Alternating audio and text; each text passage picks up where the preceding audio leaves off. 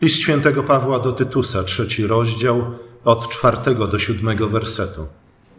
A kiedy objawiła się dobroć naszego Zbawiciela i Boga, Jego miłość do ludzi, to wybawił nas nie ze względu na nasze sprawiedliwe czyny, ale dzięki swojemu miłosierdziu, przez obmycie, które odradza i przez odnowienie Duchem Świętym. Wylał go na nas obficie przez Jezusa Chrystusa, Zbawiciela naszego, abyśmy usprawiedliwieni Jego łaską odziedziczyli, w co ufamy, życie wieczne. Oto Słowo Boże. Możemy się zastanawiać, dlaczego akurat taki tekst kazalny na Boże Narodzenie, ale sprawa się wyjaśnia, jeśli spojrzymy na tekst grecki, w którym widzimy słowo epifain, od którego pochodzi nasze słowo epifania, czyli święto, które będziemy obchodzić już za niewiele dni. Epifania, czyli objawienie pańskie. Narodzenie Boże, narodzenie pańskie stanowi bardzo istotny element tego objawienia. Jak pisze apostoł, jest to objawienie dobrotliwości i miłości ku ludziom, Zbawiciela naszego. Już kiedy stworzył Bóg człowieka, błogosławił, okazał mu swoją dobroć i miłość. Wyraził w ten sposób swoją przychylność i wierność do swojego stworzenia, a zwłaszcza do tego, którego stworzył na swój obraz i podobieństwo. Nawet kiedy człowiek zgrzeszył, Bóg zapewnił ofiarę, która zakryła winy człowieka i związał się z nim obietnicą. I to właśnie mimo grzechu i mimo upadku. Następnie wybrał sobie lud, który miał być światłością świata, miał nieść światu świadectwo o dobroci i o miłości Bożej. Później posłał proroków, którzy wzywali ludzi do zaufania właśnie dobremu i miłościwemu Bogu. Kiedy zaś lud wybrany odwrócił się od swojego Boga, ten nie odwrócił się od niego, ale wraz ze swoim ludem udał się na wygnanie. Udał się na wygnanie wraz z tymi, którzy go odrzucili. A zatem od samego początku, przez wszystkie karty Starego Testamentu, Pismo Święte mówi o Bogu, który jest nie tylko Bogiem z nami, ale jest też Bogiem dla nas. O Bogu bliskim, tym, których stworzył na swój obraz i podobieństwo. Bóg jest archetypem tego, który płacze z płaczącymi i tego, który raduje się z radującymi się. Kiedy więc przychodzi wcielenie drugiej osoby Trójcy Świętej, kiedy Bóg w ten nowy sposób staje się Bogiem z nami, to z jednej strony reagujemy zdziwieniem i zachwytem, bo nieśmiertelny, który mieszka, jak czytamy, w światłości niedostępnej, stępuje na ten padł łez.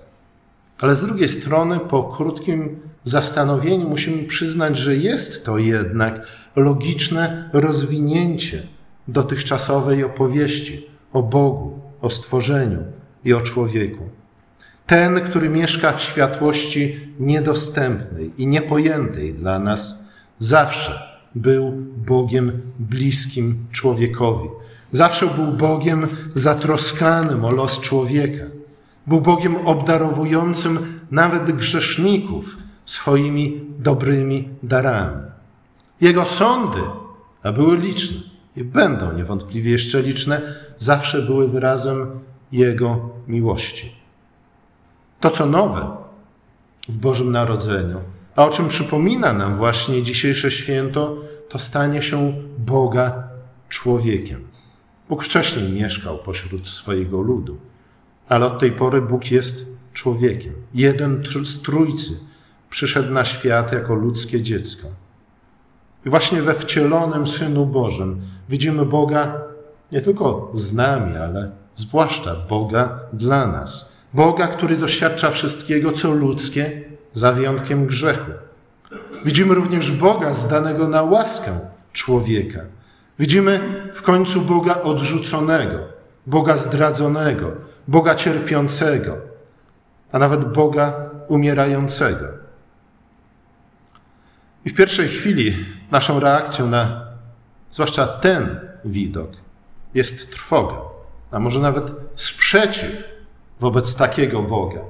Bo jak możemy być pewni, że ten Bóg, który sam był poddany niedoli, jest w stanie wyrwać nas z niedoli? A jednak po chwili zastanowienia znów dociera do nas, że nawet w swoim uniżeniu Bóg pozostaje Panem Panów i Królem Królów. Najdobitniej mówi o tym ewangelista Jan, kiedy stwierdza, że krzyż stanowi wywyższenie Syna i w krzyżu otrzymujemy najpełniejsze objawienie Ojca. To, co wydaje się sromotną klęską, stanowi największe zwycięstwo. Miejsce, na którym widzimy właśnie Boga umęczonego, a nawet umierającego, jest pełnią Jego objawienia, czego dowodem jest zmartwychwstanie. A to wszystko dokonało się, jak przypomina dzisiaj Paweł, ze względu na miłość i dobrotliwość Boga wobec nas, wobec nas, ludzi, grzesznych ludzi. Bóg w Chrystusie jest nie tylko Bogiem z nami, ale jest również Bogiem dla nas. On to wszystko dla nas uczynił. Cała potęga, cały majestat Boga, Stwórcy, stanowią wyraz Jego miłości i dobrotliwości ku nam. Dlatego nazywamy Go Emanuele. Apostoł jednak nie zatrzymuje się na przypomnieniu nam miłości i dobrotliwości Boga wobec nas, objawionej między innymi w Betlejem, ale pisze również o skutkach tej miłości i dobrotliwości Boga. Jego miłość i dobrotliwość nie są tylko i wyłącznie, jakbyśmy powiedzieli, pobożnym życzeniem, ale Jego miłość i dobrotliwość są miłością i dobrotliwością żarliwą, która zawsze dokonuje to, czego Bóg zamierza. A On stał się uczestnikiem naszych ludzkich losów, abyśmy mieli udział w Jego życiu i w Jego chwale. Jeden z Trójcy stał się człowiekiem, jeden z Trójcy na zawsze pozostanie człowiekiem.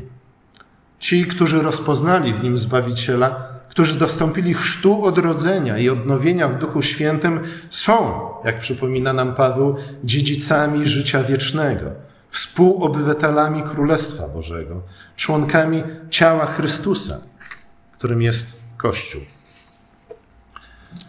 Na tym często chcielibyśmy, aby Ewangelia poprzestawała, aby nie udawała się dalej abyśmy mogli po prostu cieszyć się naszym zbawieniem, wielbiąc Boga za objawienie Jego, Jego miłości i dobrotliwości. Nie zapominajmy jednak, że Bóg jest Bogiem, który nas kocha. Zatem jeśli On nas zbawia, to zbawia nas nie tylko od czegoś, ale również dla czegoś.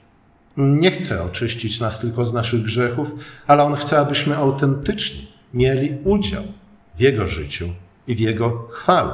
Dlatego też nie zapominajmy o kontekście dzisiejszego tekstu, w którym Paweł wspomina o tych przymiotach Bożych, a zwłaszcza Jego miłości i dobrotliwości. Wcześniej zwraca się do nas słowami: bądźcie gotowi do każdego dobrego uczynku. Nie szukajcie zwady, nie wynoście się. Pokażcie pokorę wobec wszystkich ludzi. Porzućcie swoją głupotę. Nie folgujcie, nie folgujcie porządliwością i rozmaitym rozkoszem. Odrzućcie złość, zwady, zazdrość. A następnie dodaje: wyprzedzajcie się wzajemnie w dobrych uczynkach. Słuchajcie, to nie są tylko jakieś nakazy moralne, czy też kolejne przykazania, jakie mamy przestrzegać po to, żeby zadowolić Pana Boga. Po to Bóg bowiem objawił nas, nam swoją miłość i dobrotliwość, abyśmy my również okazywali nawzajem sobie miłość i dobrotliwość, abyśmy właśnie w tym byli do Niego podobni, abyśmy w tym byli Jego obrazem. Aby nie tylko Bóg był z nami, ale i my z Bogiem. Bo jeśli odmawiamy zabiegania o to, co boskie, odmawiamy nie tylko cieszenia się Bożą dobrotliwością i miłością, ale także okazywania, odbijania w naszym życiu, w naszej postawie, w naszym zachowaniu Jego miłości i dobrotliwości. Jeśli Jego miłosierdzie i dobroć traktujemy jedynie jako przyzwolenie na folgowanie własnym porządliwością, jeśli bierzemy Jego miłość i dobrotliwość tylko i wyłącznie za akceptację grzechu, głupoty i zła, to rodzi się pytanie, czy cokolwiek dotarło nas, do nas z opowieści o do, dobrym i miłosiernym Bogu, który zamieszkał wśród nas, który stał się jednym z nas.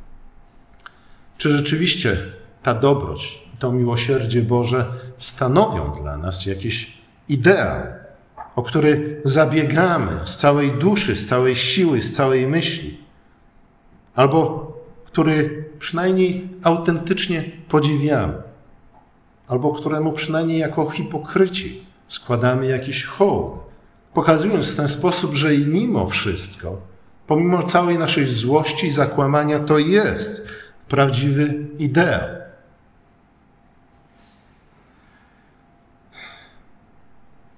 Nie chodzi tu nawet o to, że nie odbijając w naszym życiu Bożej miłości i dobrotliwości, w jakiś sposób obrazimy majestat Boga, ale chodzi o to, że zawsze otrzymujemy koniec końców to, o co gorliwie zabiegamy. Przypomina nam o tym Psalm 115, w którym czytamy, że z czasem coraz bardziej upodabniamy się do bogów, których czcimy albo innymi słowy do ideałów, o które zabiegamy, które uważamy za autentyczne ideały. Jeśli głupota, grzech, zło, jeśli zwady, jeśli pycha, jeśli złość i zazdrość są tym, co jest treścią naszego życia i co uważamy za godne pożądania, niestety dokładnie to będziemy zbierać w naszym życiu dokładnie takimi owocami będziemy się cieszyć. Jeśli jednak nawet w sposób być może niepełny, dziecinny, naiwny, czasami głupkowaty, zabiegamy o dobroć i miłosierdzie, to prędzej czy później dokładnie tym będziemy się cieszyć. Kto odrzuca objawienie miłosierdzia i dobroci Boga, ten sam sobie pozostawia nic innego jak tylko złość i bezduszność niegodziwość i okrucieństwo. Nie tylko, że życie innych ludzi napełnia właśnie taką treścią, to w końcu sam również doświadcza tylko i wyłącznie tych rzeczy. Z czasem staje się coraz bardziej bezduszny i okrutny. I ma coraz mniej powodów do świętowania, objawienia Bożej dobroci i miłosierdzia. Paweł mówi: ale słuchajcie, przecież tego wszystkiego już doświadczyliśmy. Sami tacy byliśmy. Właśnie to odrodzenie przez obmycie i przez odnowę w Duchu Świętym uwolniło nas od tego. Dlaczego chcemy do tego wracać? Bóg zatem stał się człowiekiem, nie tylko po to, aby mieć udział w naszej niedoli, ale również po to, aby wyrwać nas z tej niedoli, abyśmy mogli mieć udział w życiu Boga. To życie zaś cechuje się właśnie miłosierdziem i dobrotliwością. Mieć udział w tym życiu to być miłosiernym i dobrotliwym. Nie tylko przyjmować Jego miłosierdzie i dobrotliwość, ale również samemu być i okazywać miłosierdzie i dobrotliwość być podobnym do Boga objawionego w Jezusie Chrystusie. Bo, jak mówi Paweł, dokładnie na tym polega życie wieczne. Polega nie tylko i wyłącznie na życiu w nieskończoność, ale polega również na dobrym życiu. Dobre życie to nie tylko cieszenie się dobrocią i miłosierdzią, ale także okazywanie dobroci i miłosierdzia i zabieganie o dobroć i miłosierdzie. Tak jak Bóg stał się jednym z nas, tak również powołuje nas, abyśmy my w podobny sposób żyli, nie tylko dla siebie, ale również dla innych ludzi, dla bliźnich. Aby bliźni nasi, nasi sąsiedzi, członkowie naszych rodzin widzieli w nas odbicie Bożej dobroci i Bożego miłosierdzia. Bóg nie daje nam wieczności po to, abyśmy mogli w nieskończoność czynić zło lub być ofiarami zła, ale daje nam nieskończoność, abyśmy właśnie przez wieki wszystkie wyświadczali dobro. I w ten sposób również cieszyli się tym dobrem. Amen.